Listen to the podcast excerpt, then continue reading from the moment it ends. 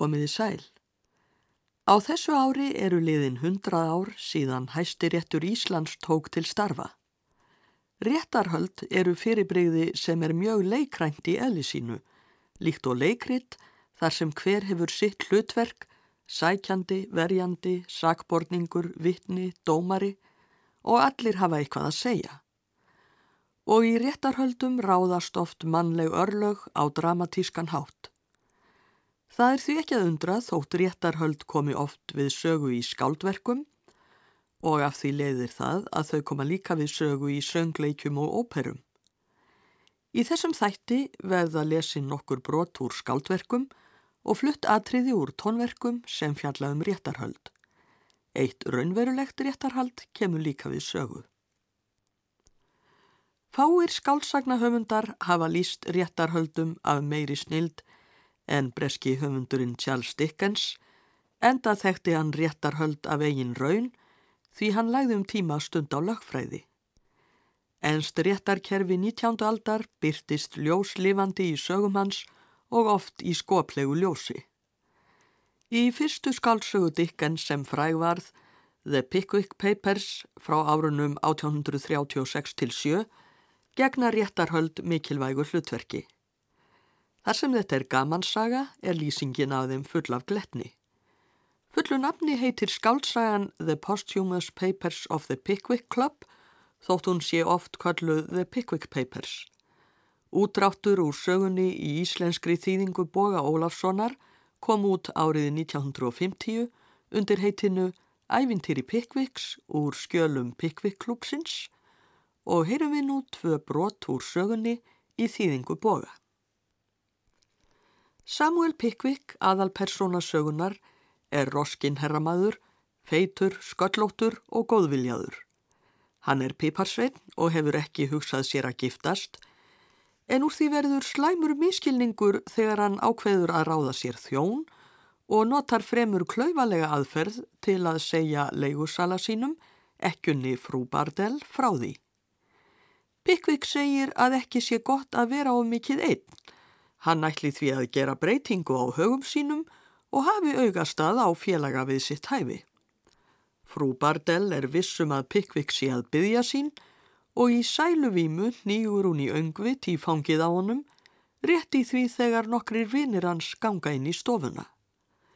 Pickwick er alveg klumsa og enn meira undrandi verður hann nokkrum mánuðum síðar þegar frú Bardell stefnir honum fyrir að hafa svikið sig í treyðum en á þessum tíma varðaði það við lög ef karlmaður trúlofaðist konu og stóð svo ekki við að giftast henni. Miklir lagarefir að nafni Dodson og Fogg undirbúa málið fyrir frú Bardell og lögfræðingurinn Bösföss sækir málið af geysilegum tilþrifum. Við réttarhöldin lýsir hann því af eldheitri tilfinningasemi hvernig hins saklausa og varnarlausa ekja hafi verið svikinn af óþokkanum Pickwick og til að sanna málsitt tólkar hann fáorð bref Pickwicks til frúarinnar á afar sérkennilegan hátt. Á næsta brefi er allsengin dagsetning og er það útaf fyrir sig ærið grunnsamlegt. Kæra frú B, ég kem ekki heim fyrir ná morgun, sein fær vagn. Og svo koma þessi eftirtækt að verða orð. Gerið þiður enga rellu út af hitapönnunni. Hitapönnunni. Hvenar hefur hýtapanna raskað hugarósið með kals eða konu? Hvers vegna er frú Bardell svona innilega beðin þess að hafa yngar ágjur á hýtapönnunni nema hún egið að skila leindum ástareldi, hér höfð til að merkja eitthvað ástarorði eða orðtæki í samræmi við brefagerð sem Pickwick hefur hugsað sér fyrirfram og sett saman af lævísi er hann hafði ráðið með sér að svíkjast í brottu frá skjólstæðingi mínum og get ég þó ekki skýrt þetta fyrir ykkur. Og hvað á hann við með orðunum hægfara vagn?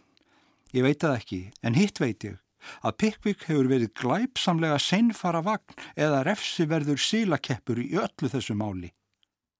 Þegar vinir Pickwick spera vittni, kemur vittnisspurðurinn afar ítla út fyrir Pickwick. Þeir eru mjög tauga og styrkir og get ekki varist hversum spurningum lagfræðingsins heldur verða að viðurkenna að þeir hafi einu sinni séð Pickwick með frú Bardell í fanginu. Einn er það þó sem lögfræðingurinn Bösföss getur ekki ruglað í rýminu, Sam Weller þjótt Pickvicks. Bösföss reynir með klækjum að fá hann til að vitna um faðmlag Pickvicks og frú Bardell. Ætli þér að segja mér, Weller, saði Bösföss, krosslaði hendurnar til áherslu og snýri sér hálft um hálft að kviðdómurunum svo sem til að fullvisa þá þegjandi að hann skildi enn koma vittninu í boppa. Ætlarðu að segja mér að þú hafið ekki séð neitt yfirlið kærandans í faðmi verjanda sem vittnin hafa líst? Auðvitað ekki, svaraði Sam. Ég var í göngunum og þegar þeir kölluði mig upp var gamla konan þar ekki. Takið þér nú eftir, Weller, saði Bösföss og stakk pennanum í bleggbyttuna fyrir fram að sig til þess að hræða sam með því að látast skrifa upp það sem hann sagði. Þú varst í göngunum og samt sástu ekkert að því sem gerðist. Hefur þau augu í höfðinu, Weller? Já, ég hef augu í höfðinu og það er nú einmitt það, saði sam. Ef þau hefðu verið gassmásjár sem stækkuðu 2 miljón sinnum og væru með frábærum krafti og meira, þá hefði ég ef til vil geta séð í gegnum heilan stiga. En þar sem þetta er aðeins augu, þá sjáu þér að sjónin er takmörkuð. Við þetta svar, sem Sam veitti í mesta sakleysi og alveg gremjulöst, fóru áherindurnir að smildra, dómarinn brosti, en Bösföss var einstaklega kjánalegur á svipin. Þrátt fyrir þetta ferðað svo að frú Bardell vinnur málið og Pickwick er dæmdur til að greiðinni háar skadabætur. En Pickwick er svo reyður yfir því að vera dæmdur saklaus að hann þver neytar að borga og kýs heldur að fara í skuldafangilsi. Árið 1963 var frumsýndur söngleikur byggður á sögunni um Pickwick með tónlist eftir Cyril Ornadell og texta eftir Wolf Mankiewicz og Leslie Bricusse. Við heyrum nú atriði úr söngleiknum, það er lægið British Justice eða Bresk réttvísi. Hér heyrist þegar dómurinn er kveðin upp og lögfræðingarnir syngja um breska réttvísi en Pickwick yfirgnæfir þá þegar hann neytar að borga. Gentlemen, are you all agreed upon your verdict? Yes, we are.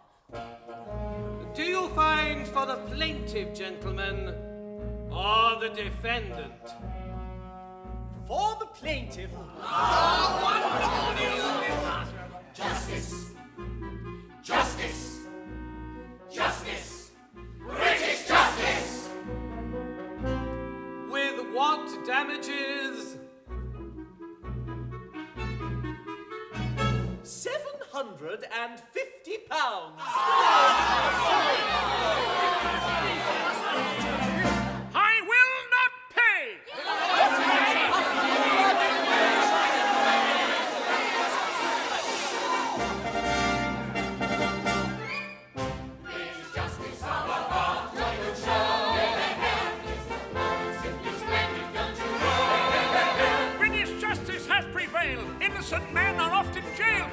systems never fail. Come join show.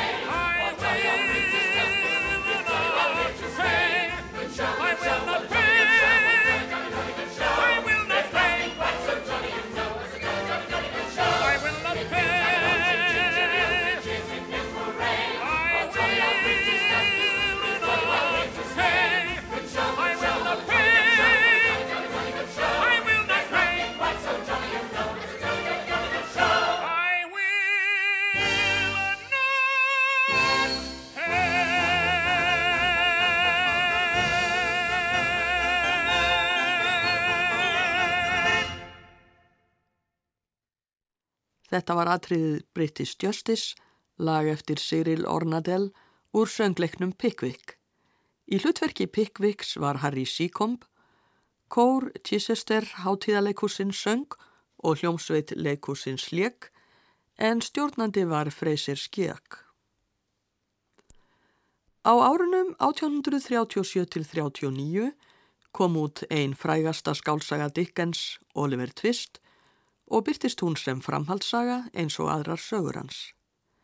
Hér var tótnin mun alvarlegri enn í Pickwick, þótt vissulega setji kýmning á að höfundar svip á verkið.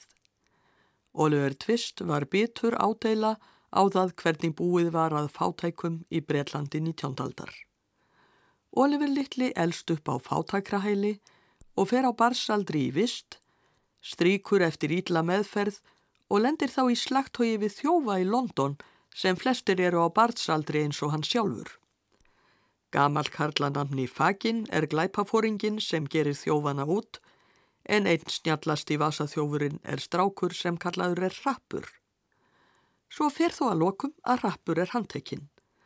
Charlie, besti vinnur hans, vill vera viðstatur réttarhöldin en Fagin líst ekki á það og sendir aðra tvo til að fylgjast með því þegar réttað er yfir rappi. Rappur hefur munnin fyrir neðan nefið og er hvergi bángin í því sviðsljósi sem réttarhöldin beina að honum. Hann hafði brett upp kápuermarnar, svo sem hans var vandi, hjælt á hattinum í hægri hendi en vinstri höndin var hulin í buksnavasanum. Gekk hann fram hægt og seint og er hann settist, beitist hann þess í heyranda hljóði að skýrt væri frá fyrir hverja sög hann væri hingað kvattur. Þegiðu, mælti fangavörðurinn. Er ég ekki englendingur, mælti rappur. Ég vernda þegn réttindi mín. Þú munt bráðum hljóta þegn réttindi þau er þú verðskuldar, svaraði fangavörður. Hvað myndi landsmálarítarinn segja um slíkt háttalaga ef hann vissi, mælti rappur. Nú, heyriði þarna, virðulegu dómarar, ykkur er nær að greiða skjóttur þessu máli, en ver ekki að lesa blöðin, því að ég þarf að hitta mann á ákveðnum tíma og ef ég kem ekki, þá fer hann. Þá getur svo farið að höfða þeirri skadabótamál gegn þeim sem hafa tafið mig, skiljiði það. Að svo mæltu baðan fangavörðin segja sér nöfn trönu nefi að þeirra begja er í dómsæti sætu. Mundi það hafa fengið mjög á Charlie ef hann hefði verið næstatur en það hlóu nú áhörindur dátt. Hljóð, hrópaði fangavörður. Hvaða mál er þetta, mælti annar dómarana. Vasa þjófnaður, herra dómari, svaraði fangavörður. Hefur drengurinn verið hér nokkur sinni áður? Nei, en hann hefði átt að vera hér oft sinnis, ég þekki hann vel. Hvað? Sögðust þér þekkja mig? Mælti rappur. Einmitt það. Það er beinskerðing á mannorðum mínu og varðar við lög, skuliðir vita. Enn hlóa áherindur og enn var beðið hljóðs. Hvar eru vittnin? Mælti skrifarinn. Já, það er rétt, mælti rappur. Hvar eru þau? Mér þetta er gaman að sjá framann í þau. Í vittnisspurði kemur fram að rappur hafi stólið silfur tóbakstós og er svo að sjá að rappur verði sendur í fanganýlendu í Ástralíu eins og viðurlögin hveða áum. Honum er þó gefið tækifæri til að koma sínum sjónarmiðum á framfæri. Viltu spyrja vittnin nokkur strengur, mælti dómarinn. Ég ger ekki svo lítið úr mér að yrða á þau, svaraði rappur. Hefur þau nokkuð að segja? Heyrur þið ekki að dómarinn spurði hvort þú hefðir nokkuð að segja, mælti fangavörðurinn og kifti í rapp. Hvað? Töluðu þér til mín maður sæl, mælti rappur og let svo sem hann hefði ekkert heyrt. Fangavörðurinn glotti. Aldrei hef ég vita dæmi til annarsins þorpara, herra dómari, mæltan. Nú hefur þú nokkuð að segja á lánið þitt. Nei, svaraði rappur, ekki hér. Réttvísin er í litlum hávegum höfð á þessum stað og auk þess er málaflutningsmaður minn nú í veistlu hjá varaformanni þingsins. En á öðrum stað mun bæði ég og hann og ymsir mikil smetnir vinir mínir taka til máls og hlægir það mig að þá munu trönun efir þeir en nú eru hér óska þess að þeir hefðu aldrei verið í heiminn bortnir eða að vinnufólk þeirra hefði hengt á upp á hattasnaga í morgun. Ég mun út með hann, sannanirnar eru nægar, mælti dómarinn. Komdu, mælti fangavörðurinn. Já, nú munum við koma, svaraði rappur og strauk með lóanum yfir kollin á hatti sínum. Síðan snýr hann sér að dómurunum og mælti, Ykkur er til lítils að vera auðmjúkir nú, virðulega herrar, því að ég mun enga væð sín ykkur. Þið munu gjalda þess er nú hafið þið gert, ég vildi eigi vera í spórum ykkar þó að mikið væri í bóði. Nú vildi ég eigi þykja frelsi þó þér bæðuð mig þess á njánum. Leiðið mig nú í prísundina. Fangavörður fór með hann út og glotti rappur til hans og hvaðs myndu skjóta máli sinu til þingsins.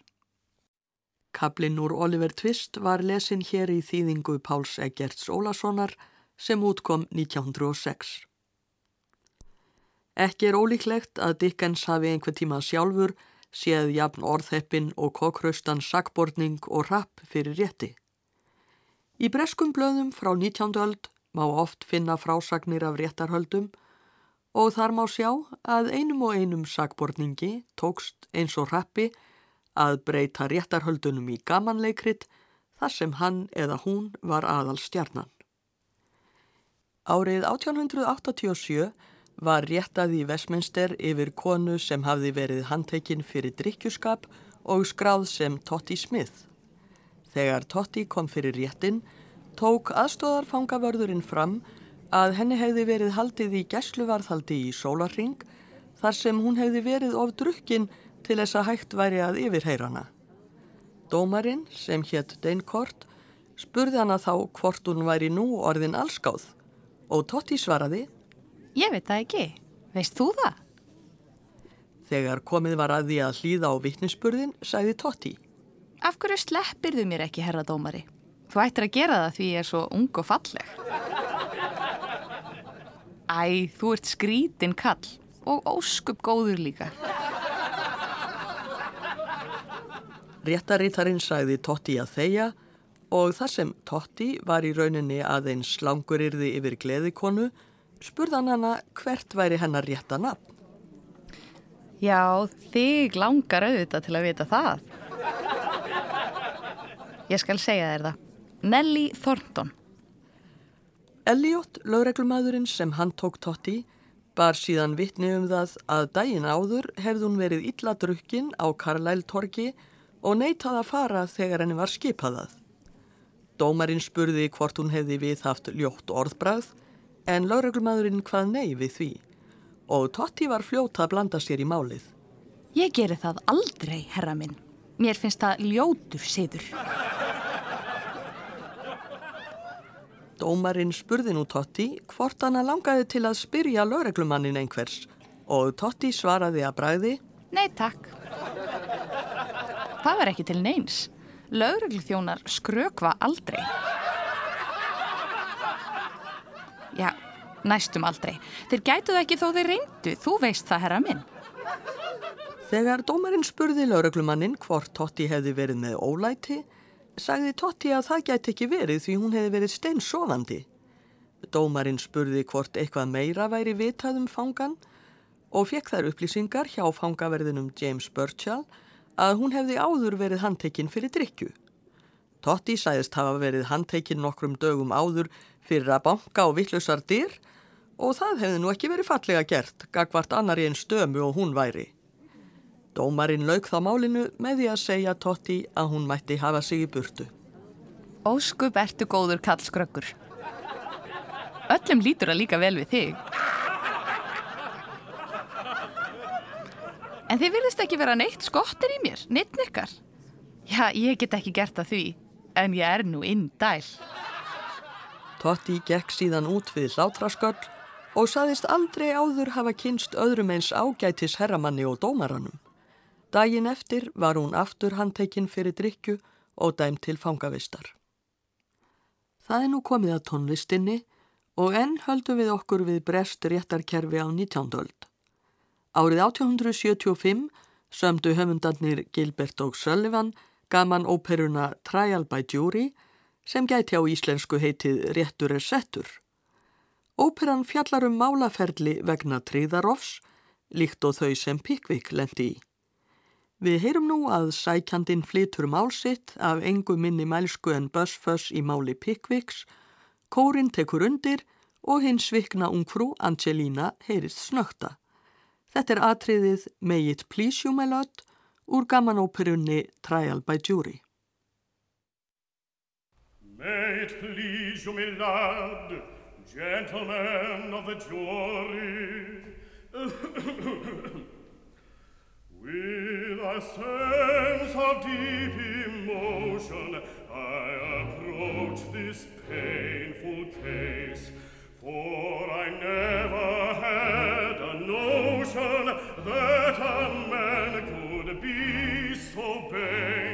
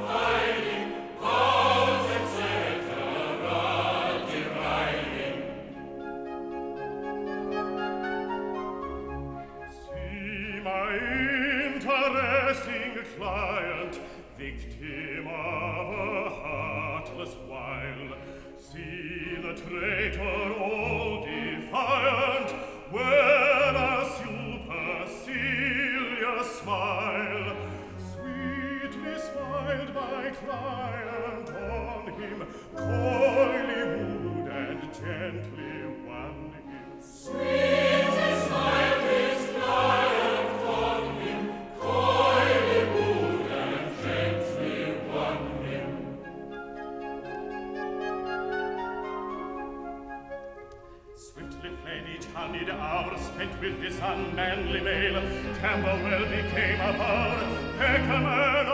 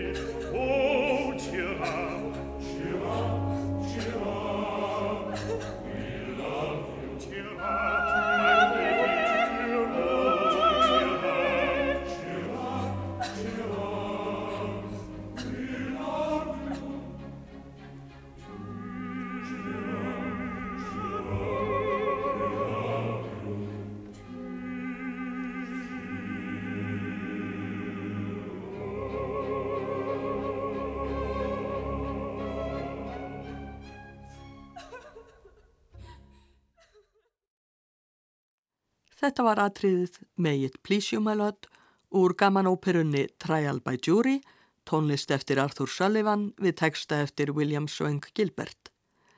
Kenneth Sandford var í hlutverki lögfræðingsins og einni heyrðist aðeins í Anhút í hlutverki hinnar sviknu Angelínu. Kór Doyle Cart óperunar söng og hljómsveit Covent Garden óperunar lék, stjórnandi var Isidor Godfrey. Við heyrum næst atriði úr óperu sem er af allt öðrum toga því þar ræður alvaran ríkum svo óhætt er að segja að um harmleik sé að ræða. Þetta er óperan Peter Grimes eftir Benjamin Britten frá árinu 1945. Montague Slater samti textan og byggði hann á söguljóði eftir George Crabb. Óperan hefst á réttarrannsókn sem beinist að nokkru gegn sjómanninum Peter Grimes. Drengur sem var honum til aðstóðar hefur látist og aðstæður þykja grunnsamlegar. Peter segir að drengurinn hafi dáið úr þorsta þegar þeir viltust í ílviðri og þurftu að velkjast í hafi í þrjá sólarhinga. Sumir þorsbúar telja að Peter beri ábyrð á dauða drengsins en ekki tekst þó að sanna neitt og sjálfur telur Peter sig vera fornarlamp slúðurs og illmælgi. Við hlýðum nú á upphafsatriði óperunnar Peter Grimes.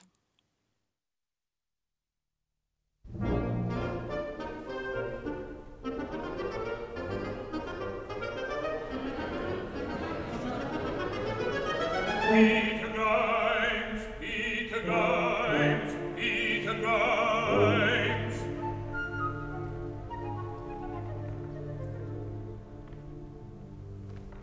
Peter Grimes, we are here to investigate the cause of death of your apprentice, William Spode, whose body you brought ashore from the boat of boy Billy on the 26th Ultimo.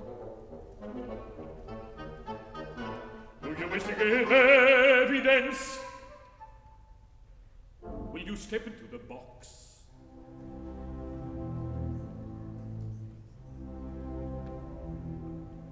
Peter Grimes, take the oath after me. I swear by Almighty God I swear by Almighty that the evidence I shall give that the evidence I shall give shall be the truth, shall be the, the whole truth and nothing but the truth. the whole truth and nothing but the truth. The story in your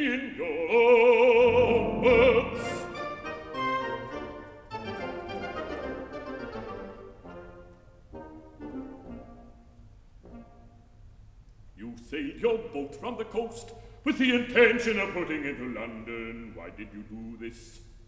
We'd caught a huge catch, too big to sell here. And the boy died on the way. The wind turned against us, blew us off our course. We ran out of drinking water. How long were you at sea? Three days What happened next? he died, What did you do? Them all overboard, set sail for home. You mean you threw the fish overboard? When you landed, did you call for help? I called Ned Jean. The apothecary here. Was there anybody else called? Somebody brought the parson. You mean the rector, Mr. Horace Adams? All right, Mr. Adams. Was there a certain amount of excitement? Bob Bowl started shouting. There was a scene in the village street from which you were rescued by a landlady. Yes, my aunt. We don't call her that here. then took to abuse the respectable lady. Answer me, you shouted abuse a certain person. See who, see who, see who? Mrs. Sedley here. I don't like interference.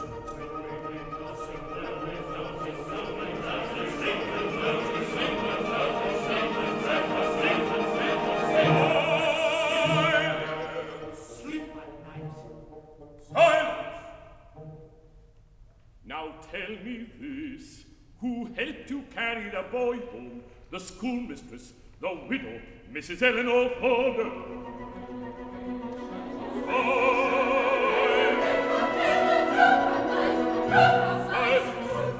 Mrs. Holford, as the schoolmistress, the widow, how did you come into this? I did what I could to. Why should you help? This kind of fellow, brutal, callous, and coarse. There's something here, perhaps, in your favor. I am told you rescued the boy from drowning in the March storms.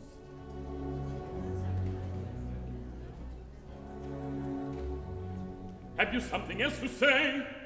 No? Then I have.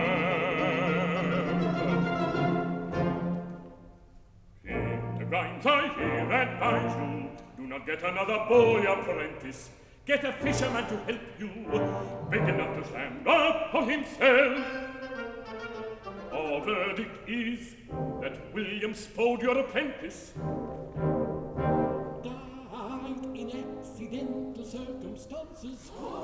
But kind of thing people are apt to remember. When the colonel sits upon his sits upon his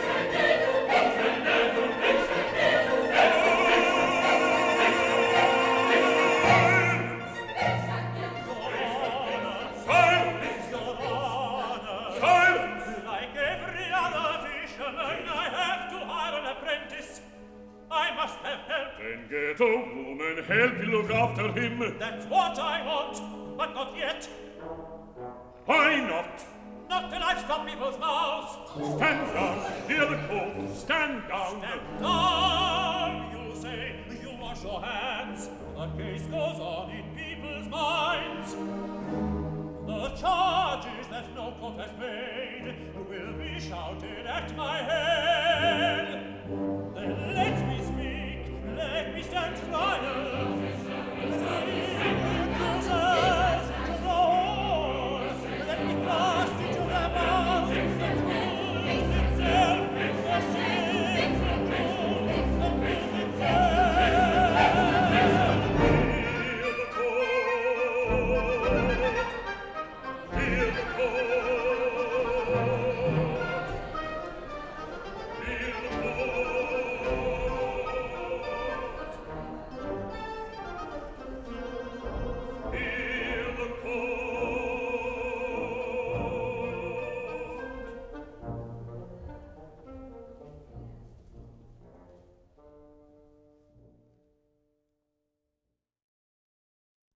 Þetta var upphafsatriðið úr óperunni Peter Grimes eftir Benjamin Britten.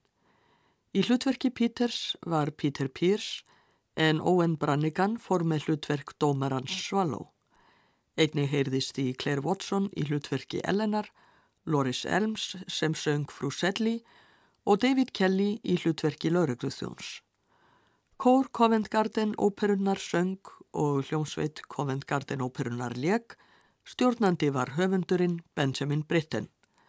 Hljóritunnin var gerð 1959. Þó að tilgangur réttarhalda sé sá að fá réttlætinu fullnægt, er það kunnara en frá þurfið að segja að það tekst ekki alltaf. Réttarhöld geta snúist upp í andkverfu sína, engum í harðstjórnaríkjum, þar sem allt annað en réttlæti er haft að leiðarljósi. Einn finnasta réttarhaldalýsing sem til er í skálskap og um leið eins og óhugnanlegasta byrtist í barnasögunni Lísu í Undralandi eftir Lewis Carroll sem útkom árið 1865. Littla stúlkan Lísa dettur niður í stóra kaninuhólu og er þá allt í einu komin í Undraland þar sem öllum reglum virðist snúið á kvolf. Þetta á ekki síst við þegar Lísa er viðstödd réttarhald í Undralandi. Jafnvel kviðdómendurnir eru stór skrítnir en kviðdóminn skipa eðlur, fuglar og fleiri dýr. Kviðdómendurnir tólf höfmuðust allir við að skrifa eitthvað á spjöldin sín. Hvað eru þau að gera? Kvíslaði Lísa að finngálninu. Varla hafa þau neitt til að skrifa þegar réttarhöldin er ekki byrjuð.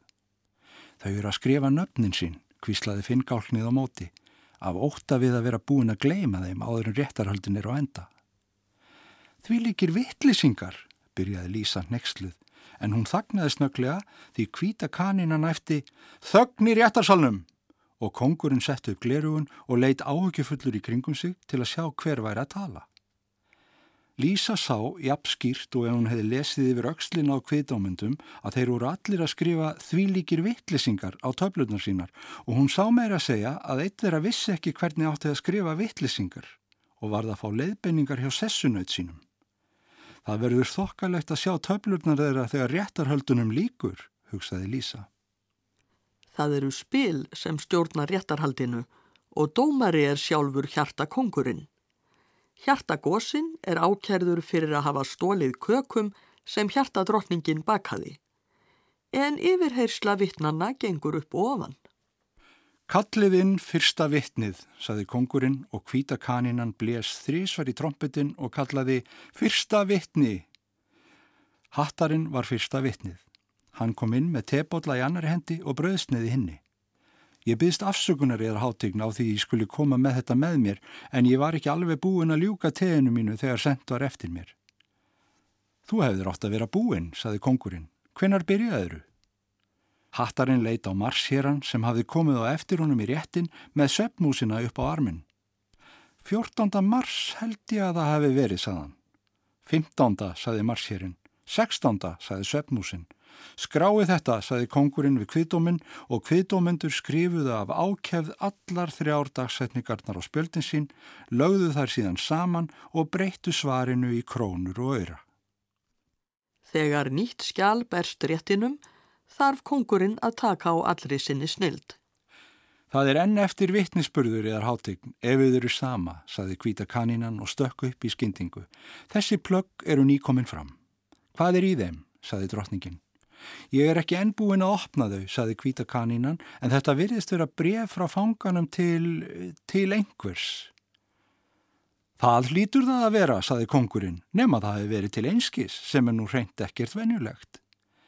Hverjum er það ætlað, saði eitt kviðdómenda. Það er bara alls ekkert ætlað, saði kvíta kanínan.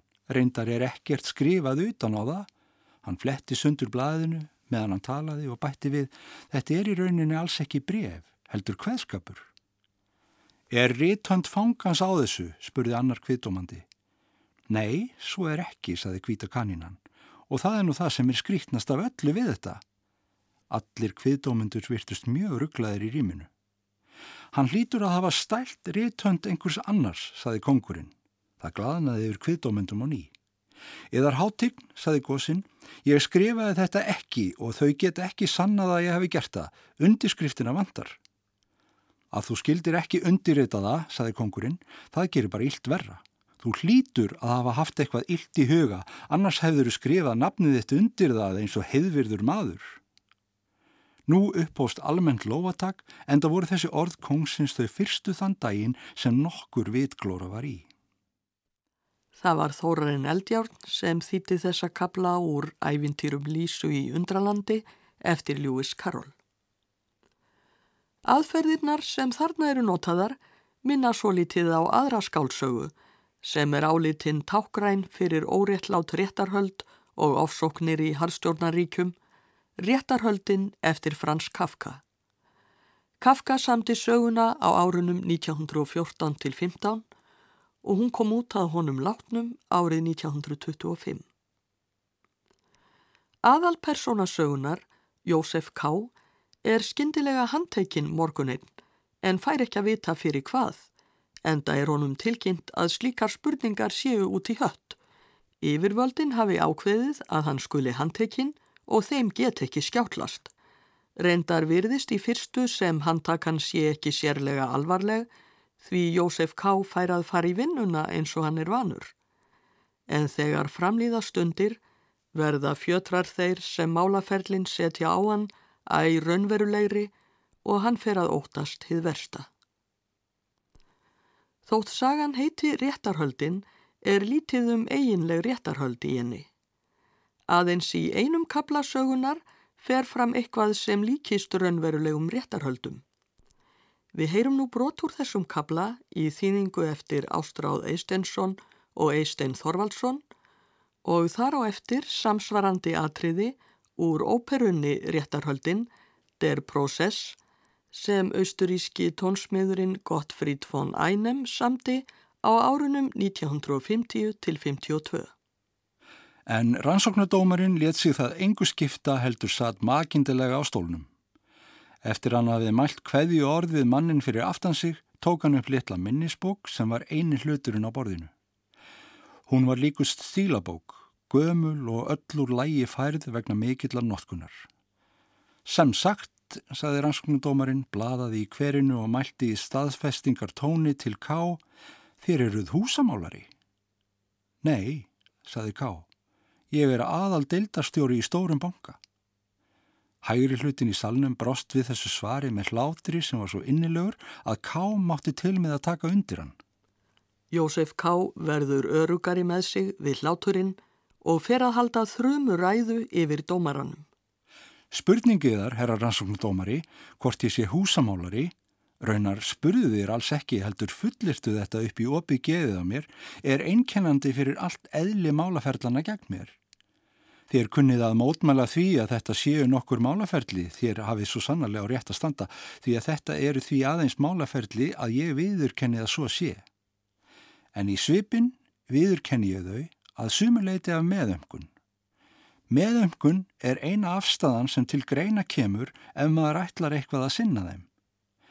Ég segi ekki að þetta séu ógeðslega málaferli en með því að benda yfir á þetta lýsingarorð langaði mig til að auðveldiður skilning á málinu.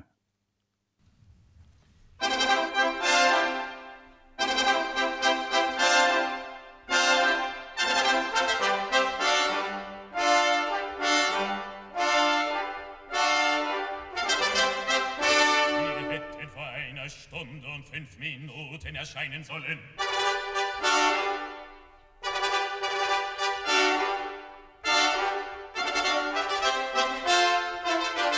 Sie hätten vor einer Stunde und fünf Minuten erscheinen sollen.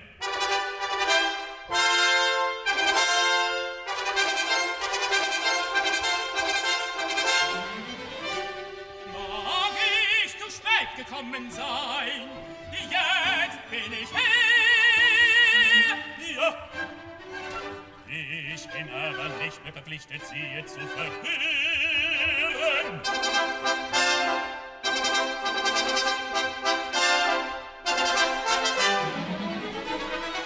Ich will es jedoch ausnahmsweise heute noch tun. Eine solche Verspätung darf sich aber nicht mehr wiederholen. Und nun treten Sie vor. Also, Sie sind Zimmermaler? Nein, sondern Prokurist einer großen Bank.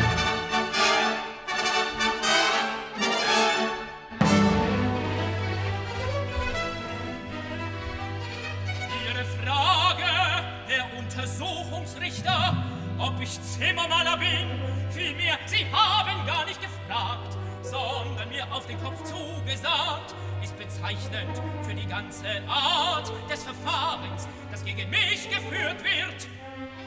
Ich sage nicht, dass es ein liederliches Verfahren ist, aber ich möchte Ihnen diese Bezeichnung zur Selbsterkenntnis angeboten haben. Was mir geschehen ist, ist ja nur ein einzelner Fall und als solcher nicht sehr wichtig, da ich es nicht sehr schwer nehme. Aber es ist das Zeichen eines Verfahrens, wie es gegen viele geübt wird. Für diese stehe ich hier ein, nicht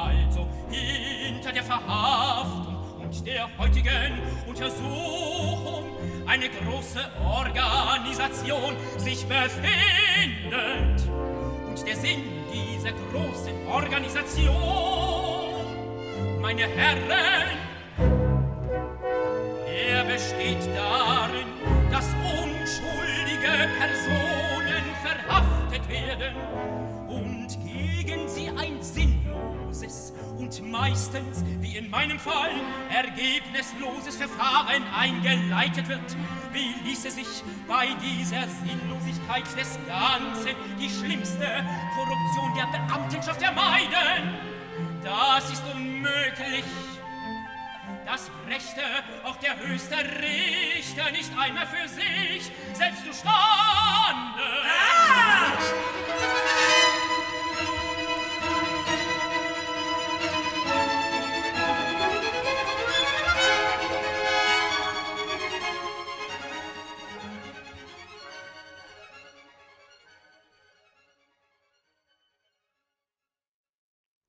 Þetta var atriði úr óperunni Der Process, réttarhöldin, eftir Gottfried von Einem.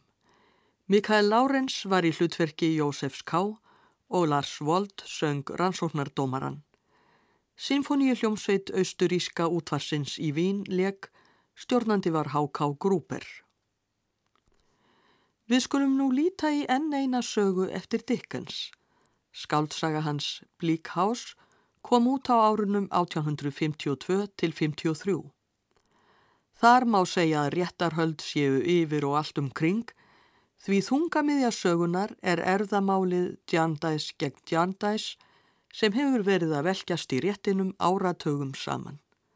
Málið snýst um geysilega fjármunni en er svo flókið að það dregst endalust á langin og eigðilegur líf sumra málsaðila sem setja allt sitt tröst á að fá arf við dómsuppkvaðningu.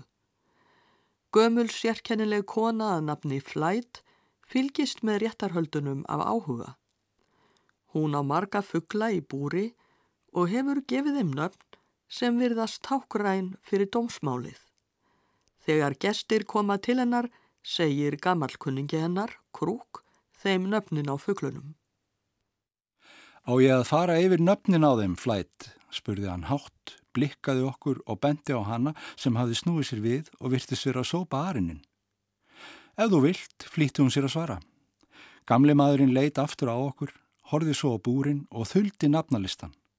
Von, gleði, æska, fríður, kvíld, líf, rík, aska, eðsla, skortur, rúst, örvænting, brjálæði, dauði, slæð, heimska, orðagjálfur, hárkolla, dula, skjál, rán, fordæmi, golffranska, bull og vittlesa. Þetta er allt safnið, saði gamli maðurinn. Og Krúk hefur meira að segja um fugglana. Þegar menn göfugi og lærði bróðir hveður upp dómsinn verður þeim sleft lausum, saði Krúk og blikkaði okkur aftur. Og þá, kvíslaði hann að okkur og glotti, ef það skildi gerast, sem gerist ekki, en þá verða þeir drefnir af fugglunum sem aldrei hafi verið í búrum. Við ljúkum nú þessum þætti með læginu The Saga of Jenny eftir Kurt Weill. Lægið er úr söngleiknum Lady in the Dark frá 1941 og textin eftir Æra Görsvin. Aðalpersonan, Læsa Elliot, er fyrir rétti og er spurð hvort hún hafi gert upp hugsin með tilliti til ákærunar. Læsa hveður neyfið og raukstiður það með því að segja dómurunum söguna af Jenníu sem var alltaf að gera upp hugsin og taka ákvarðanir með hörmulegum afleiðingum. Af því leiðir það að maður á aldrei að gera upp hugsin. Eginkona Væls, Lotte Lenja, syngur lægið The Saga of Jenny eftir Kurt Weil en Morris Levin stjórnar hljómsveitinni. Ég þakka hlustendum áhyrnina, veriði sæl.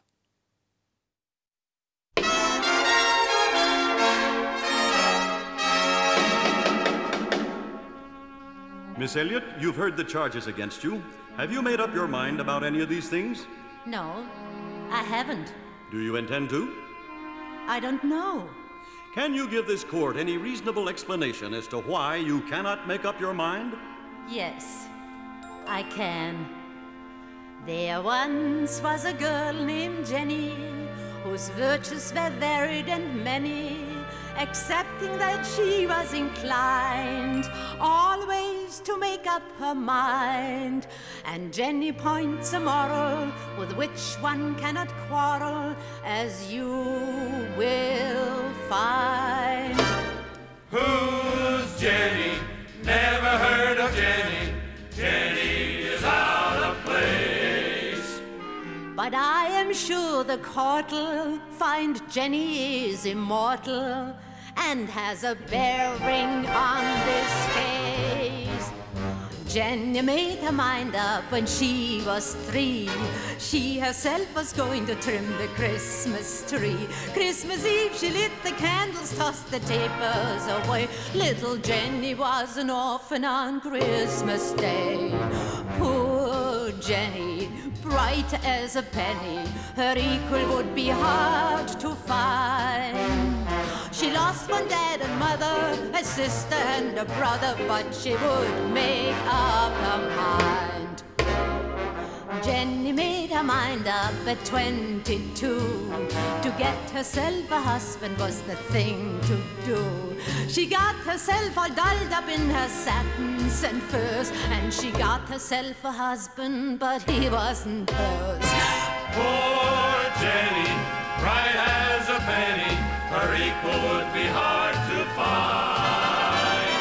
to find. Deserved a bed of roses, but history discloses that she would make up her mind. Jenny made her mind up at 39. She would take a trip to the Argentine. She was only on vacation, but the Latins agreed. Jenny was the one who started the good neighbor policy. Poor Jenny, bright as a penny, her equal would be hard to find. Oh, passion does not vanish in Portuguese or Spanish, and she would make up her mind.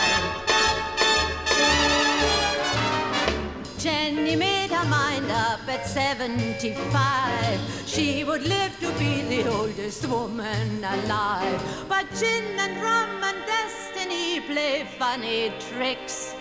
And poor Jenny kicked the bucket at 76. Jenny finds a moral with which you cannot quarrel, makes a lot of common sense. Jenny and her saga prove that you are gaga if you don't keep sitting on the fence. Jenny and her story